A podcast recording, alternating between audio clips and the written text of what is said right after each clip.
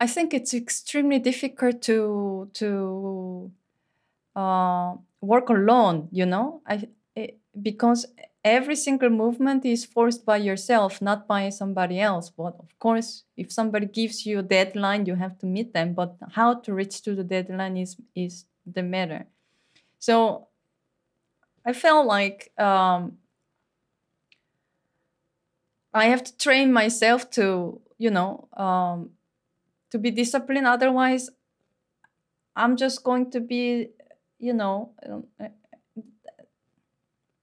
just a hobbyist. that's a hobbyist. If you work only when you feel like, that's a that's your hobby. That's not your job. So I was trying to um, first of all uh, set my time during the day, uh, how much hours that I have to work in order to be um, uh, proudly called as an artist, not a hobbyist.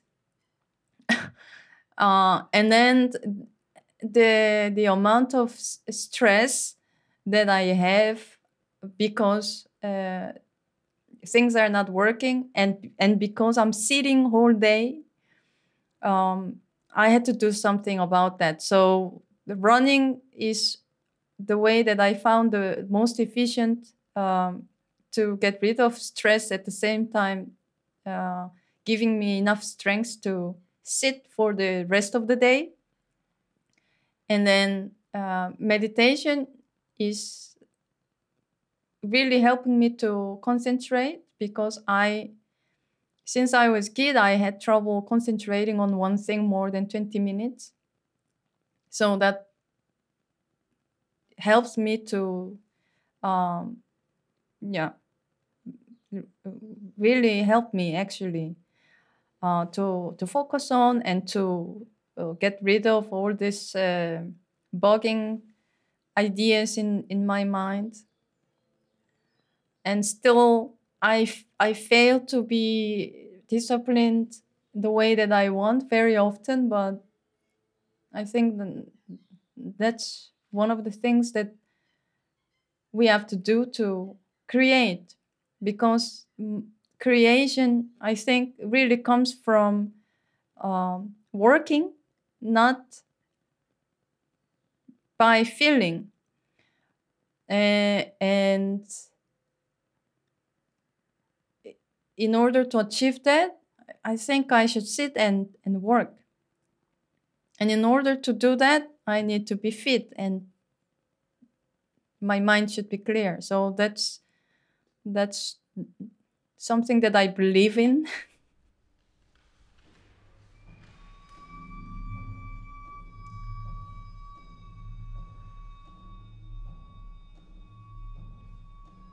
The Hague based composer and performer Ji Youn Kang feels comfortable being labeled as a noise artist. After all, she tells us, pure sound does not belong to my world, noise does. Ji Youn Kang's abstract compositions are infused with her personal blend of Western experimental sound and Korean ritual music. This hybrid background also seeps into her live performances where she explores the primitive and empowering rhythmic structures of Korean shamanism, often building up from slow to fast and noisy sound through an amalgam of handmade analog devices, acoustic instruments, and digital signal processing techniques. Space and site specificity play a vital role in her work, which is based on a twofold approach to sound. She takes into account both its musical qualities and how it relates to a particular space. Having composed many pieces for the 192 loudspeaker wavefield synthesis system, which she gives workshops on at the Institute of Sonology, and other spatial sound systems such as the Pentacle 15.3, her multi channel pieces focus on the relationship between musical and physical space.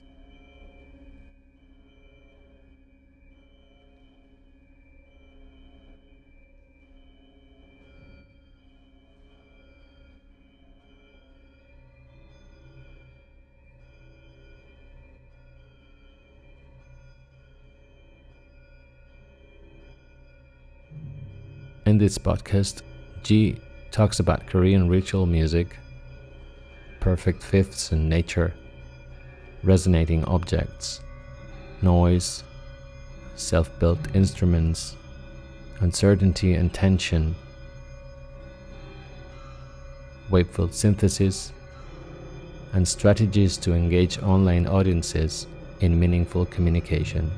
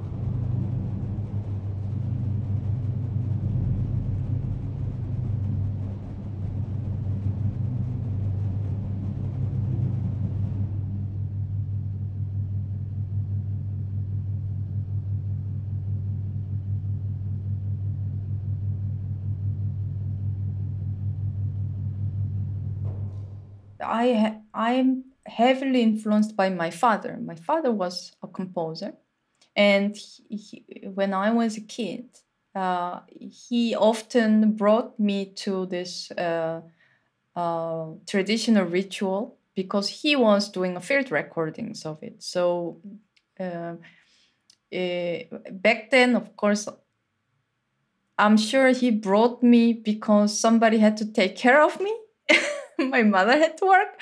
Uh, so I was always there to see this this uh, this uh, ritual scenes. So it, it came to me very naturally, and I am probably a very last generation that still I could see some local uh, shamanistic ritual when I was kid, even in the middle of Seoul.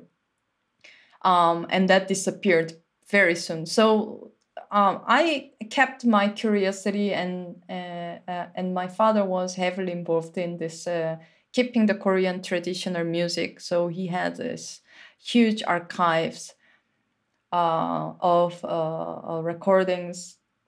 Um, so that I, after I studied compo- composition, of course, I naturally um, approach to them to see okay what what what is it actually um, and then uh, it's very different of course when you see from you know uh, the uh, western musical point of view weirdly that's also the point of view from from me because i learned more of, of western music than korean music.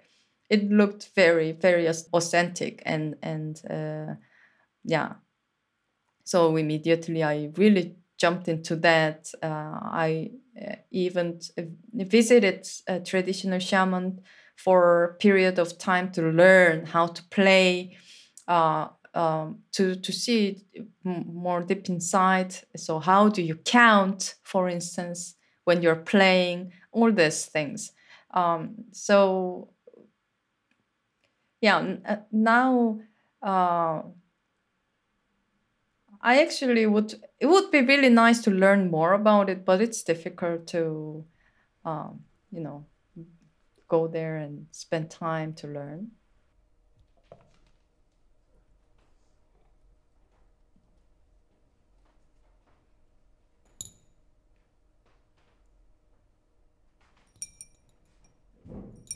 Korea uh, has approximately uh, 5,000 years of uh, history. And the ritual goes even further. So we don't know where it end, where where it began, but it, it started even earlier than the history that we know. So uh, meaning that the music itself has a very long long history, and all the, the Korean music is rooted uh, from it. So it doesn't matter the music from the, the palace or for the noble or for the folk. Everything started from ritual music.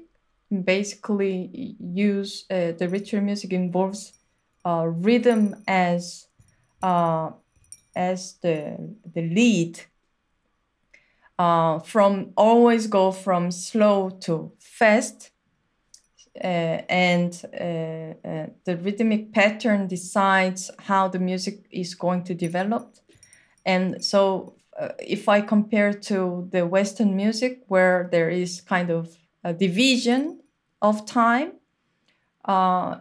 then this richer music has flow of time so that uh, there is no specific division um, and uh, this rhythmical construction is is uh, um, is kind of working as a conductor.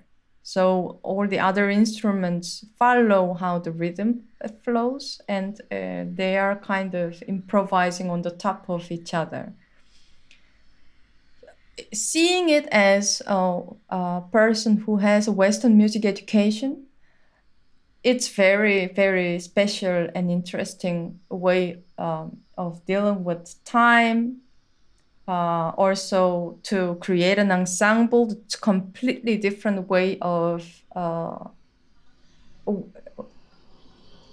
completely different um, uh, way to approach what harmony is about. So if the if the Western think that's perfect fifth uh, combination is a very perfect harmony. It's the opposite in, in in Korean music. You need to have some kind of broken part so that it's natural. So I love this kind of uh, imperfection becomes perfection. So uh, in, in the ensemble music, for instance, if you create tutti in Western ensemble, everything has to play all at the same time. One, two, three, boom. And in Korean music, one, two, three, boom, boom, boom, boom. That's uh, how we create tutti. And I love this kind of contradiction between Western and Korean music.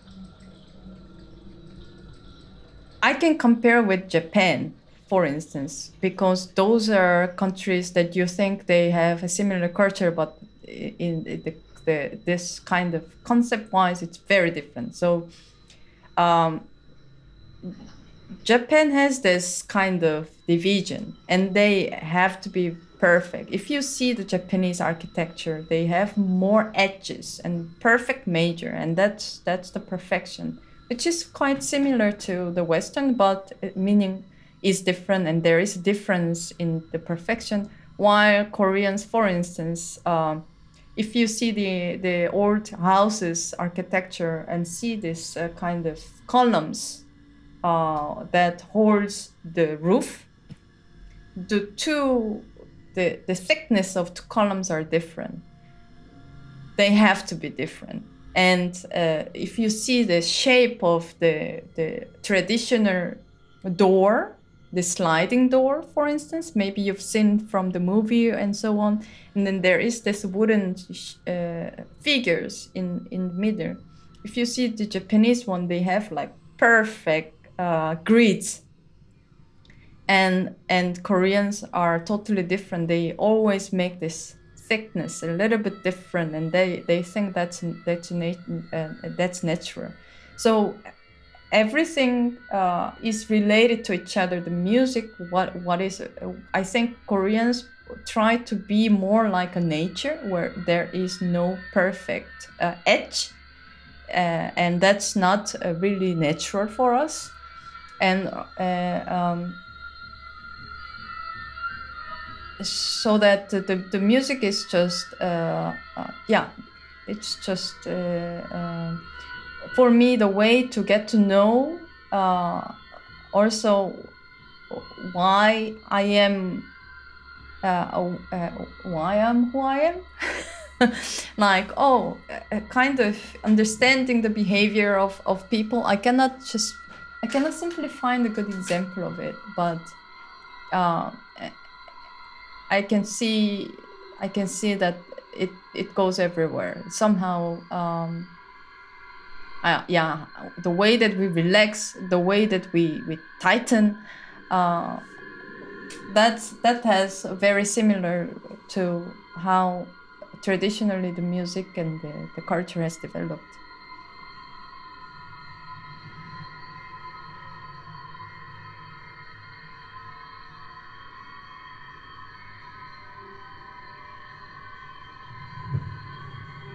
Think ever since I arrived to the Netherlands, I started using those uh, traditional instruments and try to uh, use their own characters. At the same time, I wanted to rediscover.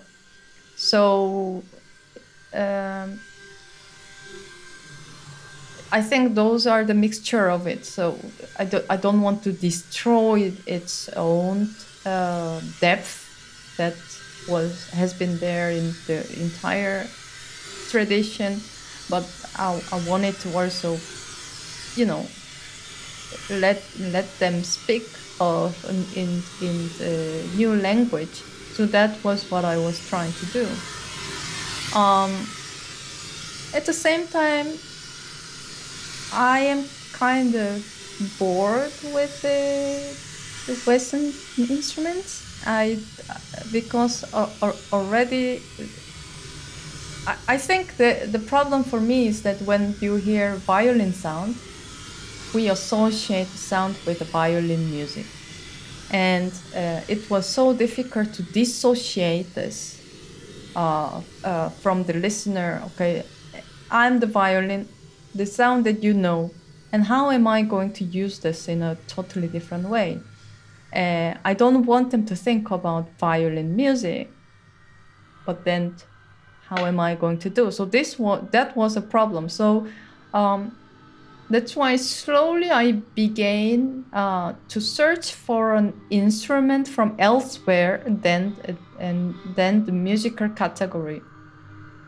Bamboo is is a little bit different because I didn't plan to to go for a bamboo. Rather, a friend of mine gave me two very tall bamboo from a garden store and and gave it to me. So I just tried to cut them and uh, make holes and and try to uh, make some interesting sounds. So it didn't really start with the okay i'm going to use my own traditional material rather it was more accidental and then uh, i after i discovered certain ways of playing the bamboo and i could combine with the rhythm. So because bamboo can create sustained this kind of flute sound with with it with it with its itself, then I can give this kind of uh, rhythm as in the traditional music. So it kind of came naturally.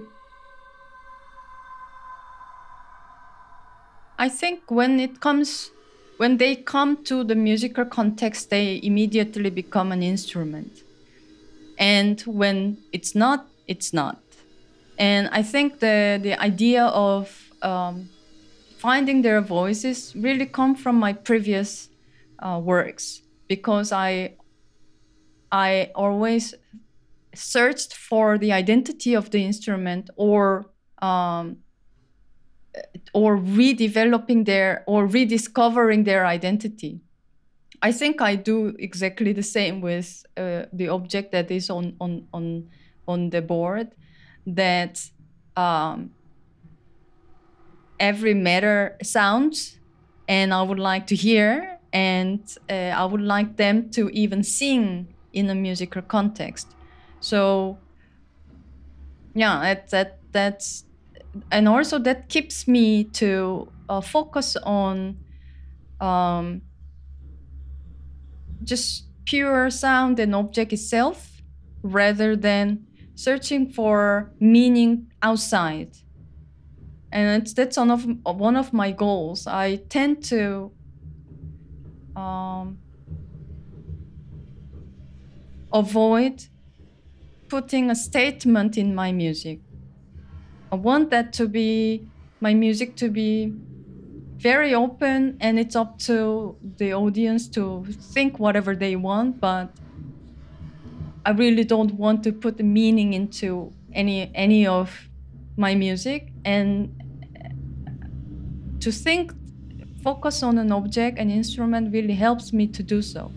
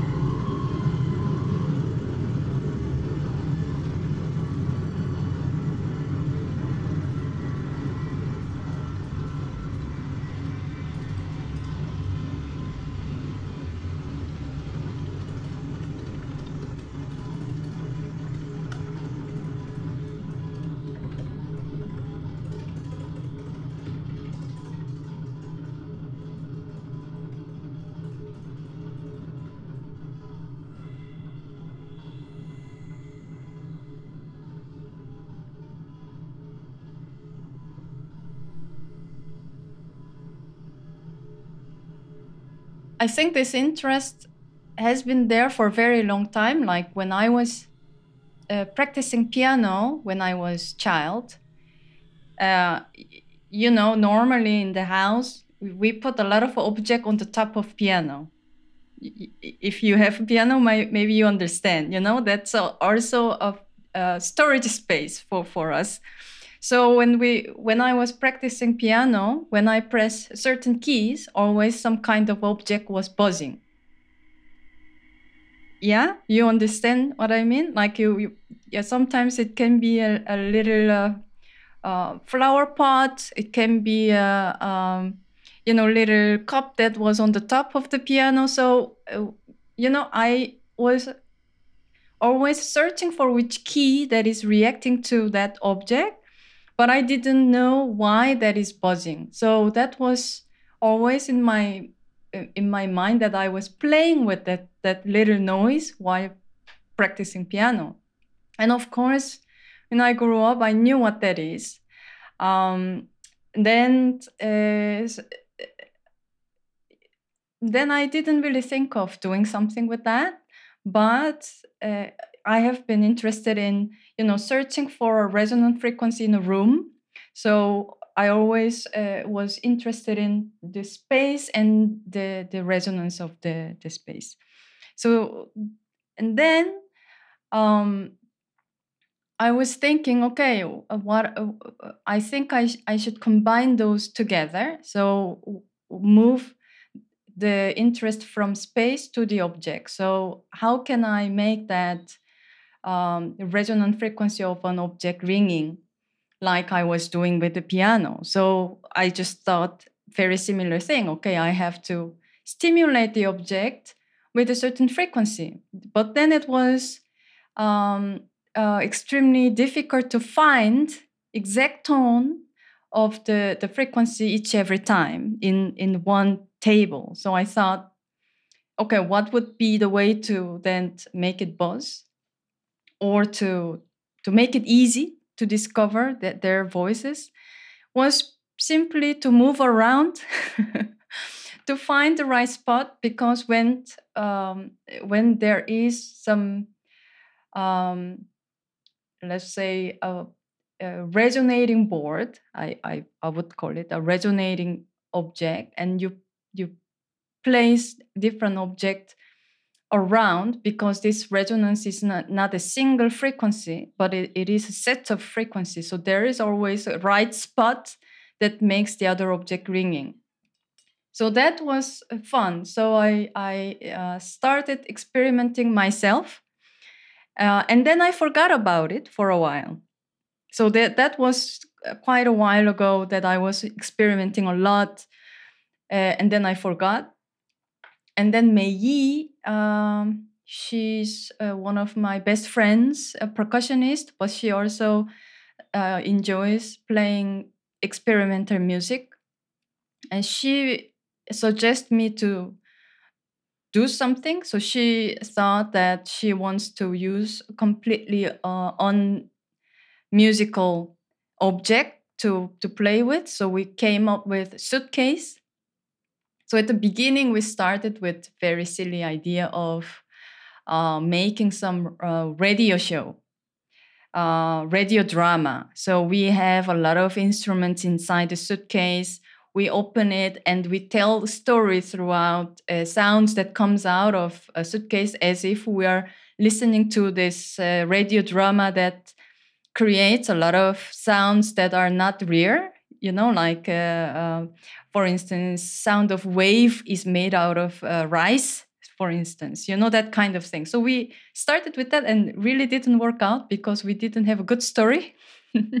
And, and and it was very limited to tell even a simple story with the objects and and then we thought okay let's forget about it but let's make the suitcase as an instrument and let's find uh, the resonance of the suitcase and we use two suitcases and let them talk together at the same time.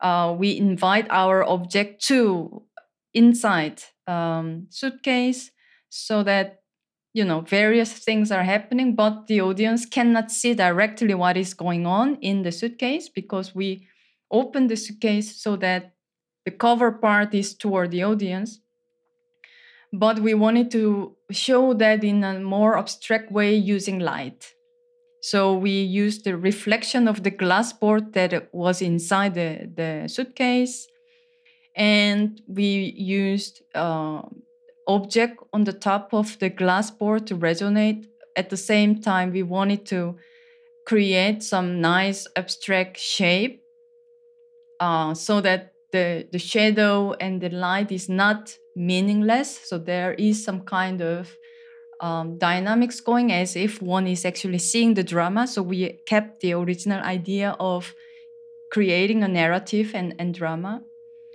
Uh, so that was the first experiment I did with Mei. At the same time, um, I had uh, the feedback from the audience after the performance that they found that the sound was a little too harsh for them. Well, I I have uh, uh, an objection to it, but okay, maybe there there are something to to uh, make it better. So in the second time, uh, Petra, who's also an amazing composer, she came to me and uh, asked me to collaborate in uh, Slovenia. Uh, and she was asking like do you have some idea so i wanted to develop this idea with glass and object with her again without suitcase this time so um, I changed the way that makes all the glass uh, uh, resonating because at the beginning with the suitcase, I used the st- static. Um, I started with the static sine wave, but this time I used uh, basically the resonance of the glass, the glass panel and that made a huge difference and also the change of the the glass the main board was much more dynamic so i could actually use many more object or uh, uh, or to to make it even jumping on the the glass. So it was uh, um, very interesting to me. Basically i didn't need to do much during the performance. I just had to place the object in the, the right spot or search during the, the performance, searching for the place uh, on the glass. And then we thought, okay, um, since the performance is way too simple and we have we have to play for 40 minutes, what shall we do with, with this? So we found various objects to make this uh, piece not too, too boring. At the same time, uh, we made some kind of uh, um, dynamic as if we are playing chess. So I put one sound and she puts the other sound as if we're competing like which sound sounding better. So um, um, we didn't think like okay let's do it like a chess playing but it developed in that way so we we were while we were practicing, we kind of, you know, competing with each other. And then we thought, actually, this is pretty nice uh, to have this dynamic between you and I. And, and we also try to kill the other sound each other. So that also creates um, different way of putting the object, also different uh, types of object, uh, and so on. So, um, and then yeah that's that's how how it went and then uh, i'm still developing this idea further with using space and the object together so we'll see what what will happen next time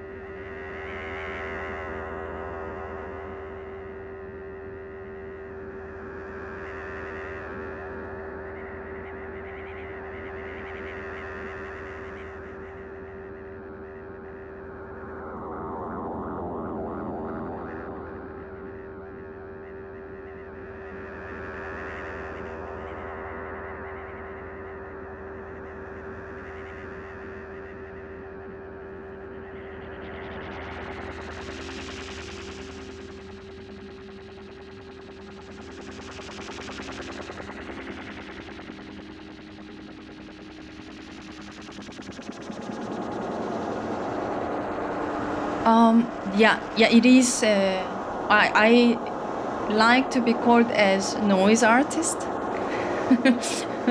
uh, because I, I, I think noise is part of my generation, and there there is even very specific color of noise of my generation than even later generation. So I think it's very natural to involve noise. Um, and this actually the harshness of the, the suitcase piece was not really about noise. It was more of this pure sine wave very strong sine wave sound that they were bothered. Um, eh, but and also this that piece was lack of noise let's say. I, I was very struggling to make more noise but it, it didn't really work out. But anyway um, yeah so so noise I don't know. I think that this when sound becoming too beautiful, whatever that means, uh, or pretty or pure, you know, I think they don't belong to the the word.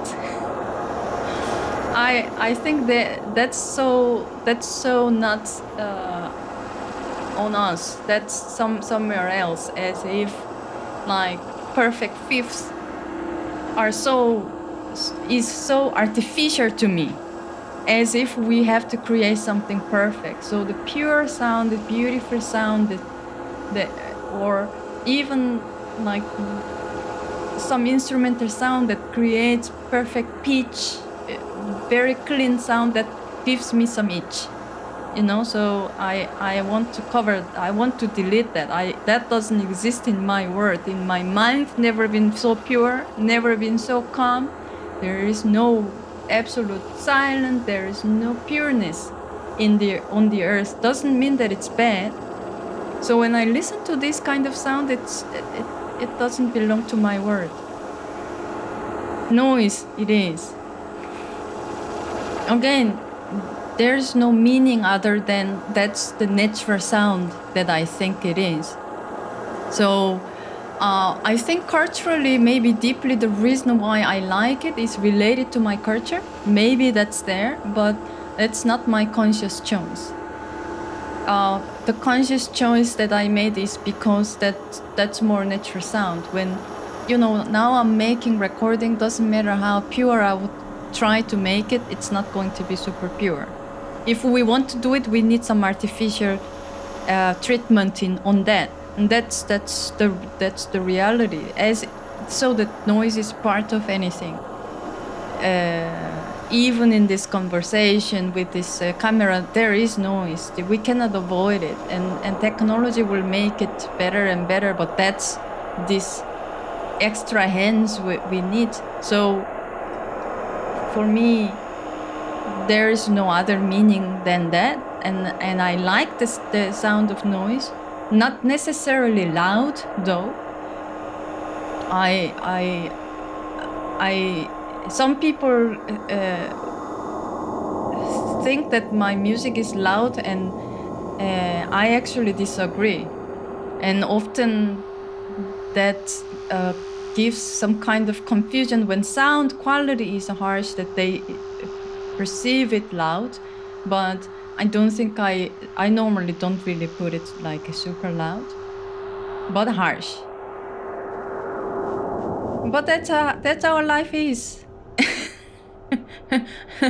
and I think that's very natural, natural, and and uh, that's one of the reasons why I mix analog and digital sounds together, and and to create uh, or to to generate noise out of it. That noise is different from, of course, the environmental noise. I'm talking about this quality of noise that that I like, but that's not like one thing, or that's that's also not really a conscious choice. Like when, um, so you know, to for instance, if I have to search for a certain sound, I end up more to the noisy side than more to the pure side and if something pure comes i direct that into more noise words so you know that so this noise is not always a particular distortion or a particular quality.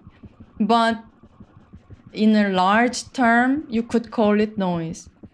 Or it could be um, not even no, uh, made out of noisy sound, but then the accumulation of so many different sound feels as if it's a chunk of noise, like white noise, for instance. But that's not what I'm talking about, though. But that that I really enjoy creating it, like so many different sounds combined together to create some complexity, as if it is some kind of noise.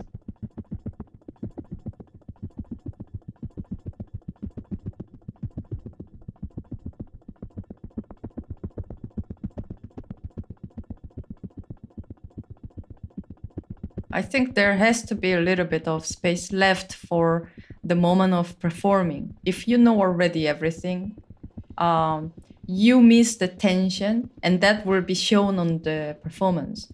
If you keep this tension, like this 10% of it will ruin my performance or will make it re- really better, then then it gives me this this nervousness or kind of extra tension and i think that's very important for a performer to performer to have. So i always leave this a little bit open and Benjolin is a very good example because often it's it yeah. It gives me a very difficult time sometimes but then then uh, you have this extra um, attention at the moment of playing. And I really believe that this kind of concentration or this this just very slight little difference on stage makes huge difference in a performance. And audience is so sensitive. They know if you fake they know if you're very comfortable they know how much you're concentrated. They are amazing no matter where you are playing, how trained audience or not trained audience, they they know what you are doing. If you are doing serious enough, if you are well prepared, if you are totally into it, they know it. So I think that's a scary thing as a performer to think about it, but that gives me always uh, this extra. Uh, attention for me to prepare and to give this little bit of space that I cannot be completely comfortable. I shouldn't be completely comfortable before I perform. I think that's this kind of insecurity spot that I have to put in any every performance. If everything is so safe and I'm sure that will sound exactly in that spot, that that will not uh, um, give me enough tension while performing. And, and without that, it also becomes very artificial. I think it's very natural that we always have some uncertainty in front of us. And especially for live performance, I think there has to be some kind of um, can be a moment or or device whatsoever that I'm not sure if that's going to work out or I have to work very hard to find the way to make it work during the performance. And this tension gives me extra uh, force to concentrate on the piece and that delivers to the audience um, I think that's really really important. If I am very secure, if I I um, uh, I know everything that is on the on my table is going to work perfectly as I am planned, that there that's something wrong there. Um, and I think that's charm of music performance, the live performance, and perfect, perfectly prepared sound is is is there in the recordings in this uh, you know there are many other ways to make my music the way that I want want and and I often do as well. But in the live performance I think there there has to be um, yeah openness to it. And and i'm uh, actively searching for that openness. And sometimes it really makes me suffer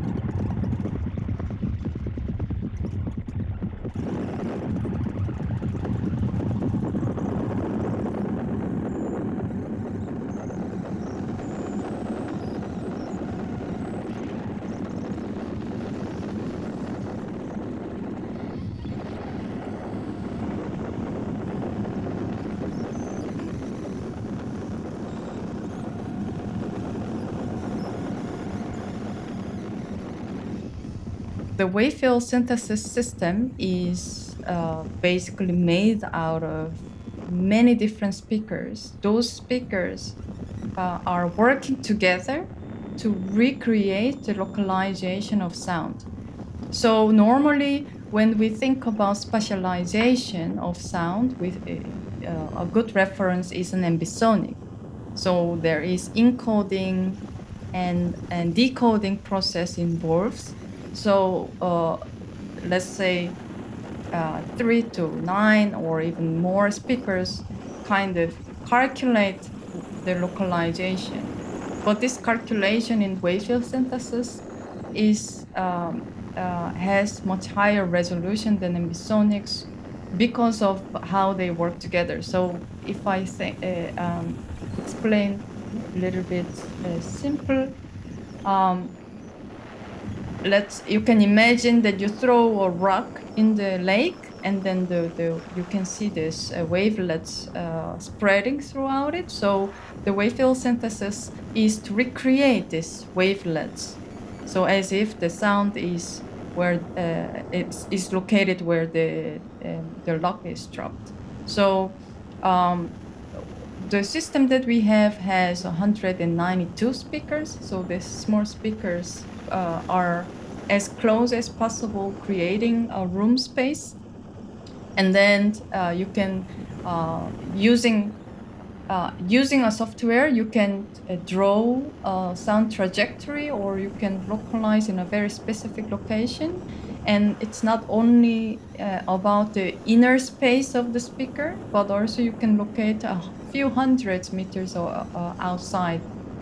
Uh, so you have this uh, endless um, space you can imagine or you can even really shrink the space down to a very small and uh, it's very interesting to uh, experience how accurately the sounds are moving because uh, I see often people um, try to avoid the sound when the sound is kind of uh, coming to you very rapidly, and and it's it's uh, it's very interesting system. Uh, and of course, it can create quite an interesting uh, re-realization. But human ears are so sensitive enough to detect the difference. And uh, even with this uh, very accurate calculation, we notice the difference. And maybe this difference is what makes it more interesting if you use that as an artistical feature. Uh, but what, what I think uh, uh, more interesting artistically to use such a system is that it solves a big problem from listening to a fixed media piece, for instance, because normally we sit uh, in a darkness, speaker is right there and we close our eyes and we don't see anything and we feel like we're not really um, uh, seeing or experiencing what the composer is supposed to do because it's so difficult to, you know, uh, recreate the artistic gesture with conventional system. And uh, still, there is some space between the audience and the speakers where the sound is is there. With the wave field system, kind of melts this space so that you are within the musical or sound world so that you, you feel like you're involved. You don't need to see so much. For instance somebody's playing notes or anything like that because the information comes so so closely and your involvement is clearly different than listening to the conventional uh, system. So I think that's that's the most uh, interesting um, feature of using such a system. People adapt to the uh, the system, so I, I can clearly see that that system works as a kind of instrument. It clearly has a character and what it can do and what it cannot do, and and uh, um, so some people come up with. Uh, um, um, field recordings to create some kind of very strange uh, recreation of very strange space, or to to make a fixed media piece that uh, that uh, has uh, the the space can expand endlessly and and shrink down. So. Um, or you can also do live performances but that has been very challenging because suddenly you have so many things to control in real time. So there hasn't been not so many pieces for live but people still try to do a lot and um, so yeah it's there there are many different approaches to to it. I think what I think the most important thing to do is to involve or to to involve space as musical parameter when you start composing the piece, because uh, a lot of a lot of um, people create the piece and then try to spatialize it, and if if if that's the case, there is always some kind of collide happening um, so, you know, normally we, we deal with a small chunk of sound before you construct them together. So within this period of time, I also think about okay, where this is going to be and what it's what is it going to do in this space. So this planning is there from the very beginning, and at the last moment, it comes very naturally because they each of them has their own space already and their own behavior. And, and this is very important for me because the, when the sound is having a gesture in the space, and gesture means that probably a, a, certain way of, of moving throughout the space or uh, and also it involves how fast it's moving and how widely it's moving so there is multiple parameters that you have to think about and if you dismiss that and already sound is created the sound doesn't sound the same when the sound have has this gesture so the, when you are creating the sound already spatialization should be there to be able to sound as I want them to to sound. So uh, I think it's it's because of uh, using wave field system. I naturally developed this way of composing. So um, um, I think that that's the main challenging for me to to kind of uh, think together of a musical space and physical space. So um, I composed a series of pieces that was about Korean traditional shamanistic ritual. So what I was trying to do is to recreate an electronic music that is uh, that has this kind of ideas of how the ritual was made uh, traditionally, which is always happening outside, not inside and uh, a, a, number of performers are playing music, um, not statically, but they are also dancing, and some kind of ritual is happening. So I thought that that was um, uh, interesting to, you know, uh, kind of symbolically recreate this kind of ritual situation with the speaker system. So that was uh, one approach for for for me to do. And the other one is to use the um, resonance of the room with the speaker system so that how um, the space the physical space uh, can influence using the sound movement very slightly. So um, those kind of approach has been made as well. So, but that was already very long time ago. I haven't been working with that for. I mean, there was a very heavy period of time that I composed many, many pieces, and I was totally in love with it. And that's why I how that's why how I uh, ended up teaching the uh, with the system. And now I'm I'm kind of having a break leave it for for a bit until I uh, have some new idea.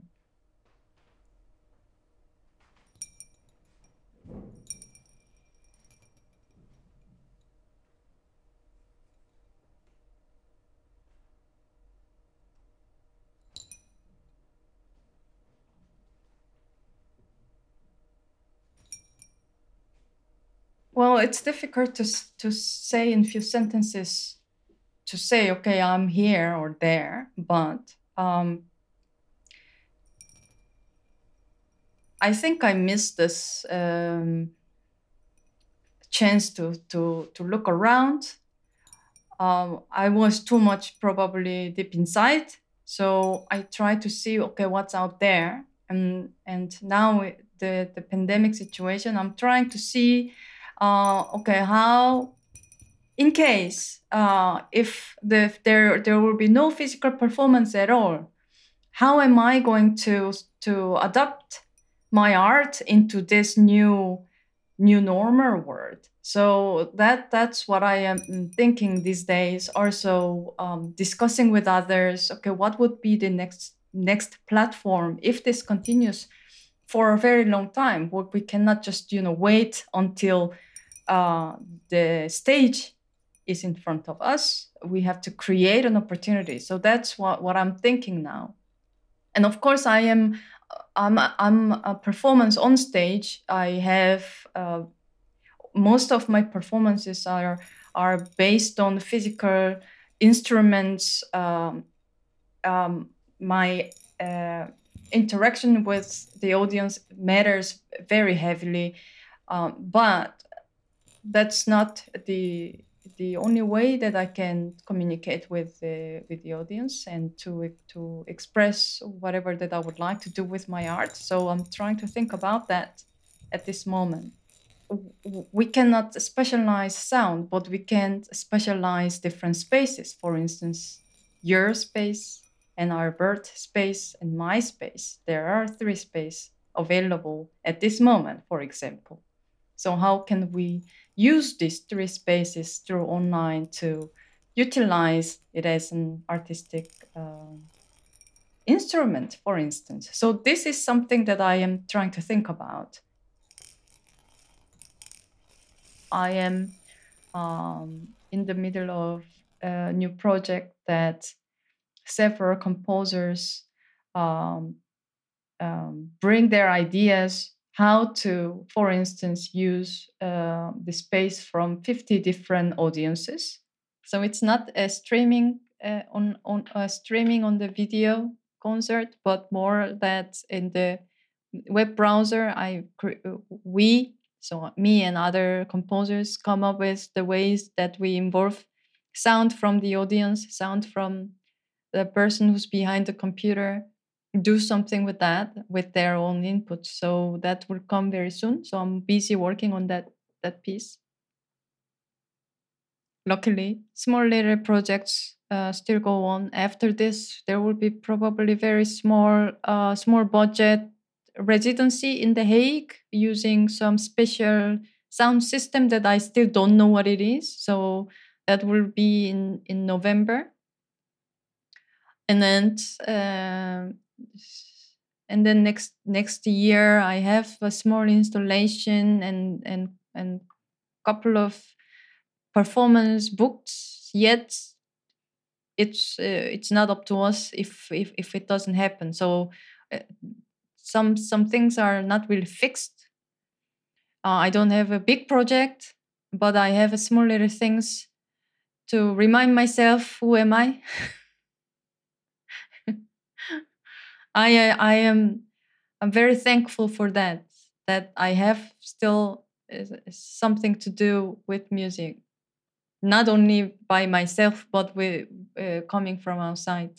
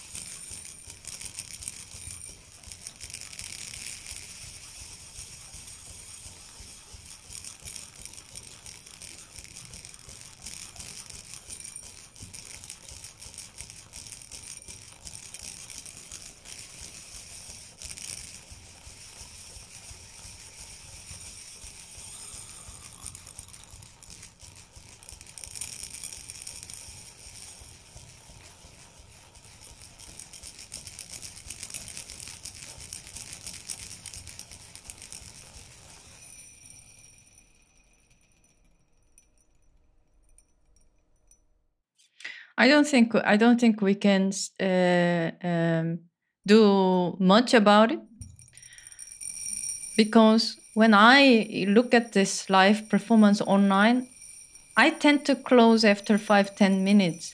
When I feel bored, immediately I make an action, and that's how we have been trained uh, using this this media. Uh, online. You you are watching something. If you're not interested at the moment you change your channel you know? And that's that's how we are. And in in in live performance you cannot use your remote controller or you cannot close your your monitor.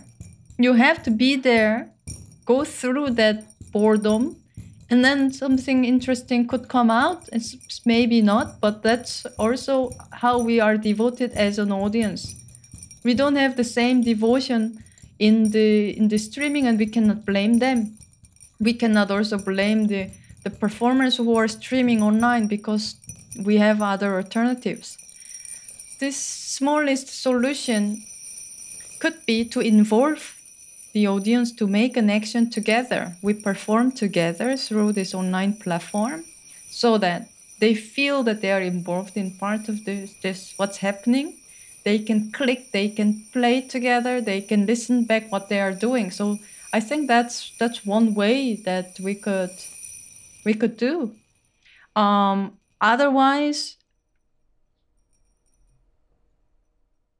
i don't know. Actually i i uh, i think it's just very difficult platform to to stream art online uh, without having a deeper communication. A deeper communication doesn't mean a conversation, but to have this uh, devotion or let them pay, and then maybe nobody will come. But uh, I, I think some people will still pay and watch, and if they pay, they they would have a little bit more devotion to act as a proper audience and also the performers will make that event more seriously that we're not just you know ventilating our artistic uh, desire throughout online platform but we make that seriously. So i'm a little bit against free performance too many free performance that are freely streamed. I think there should be something that's not that's not right. We pay for netflix but why all these art performances have to be free that's wrong there should be something and uh, even if this art should be stopped, uh, I would rather being stopped rather than watching everything for free. Maybe I'm thinking very wrong, but I feel very wrong there.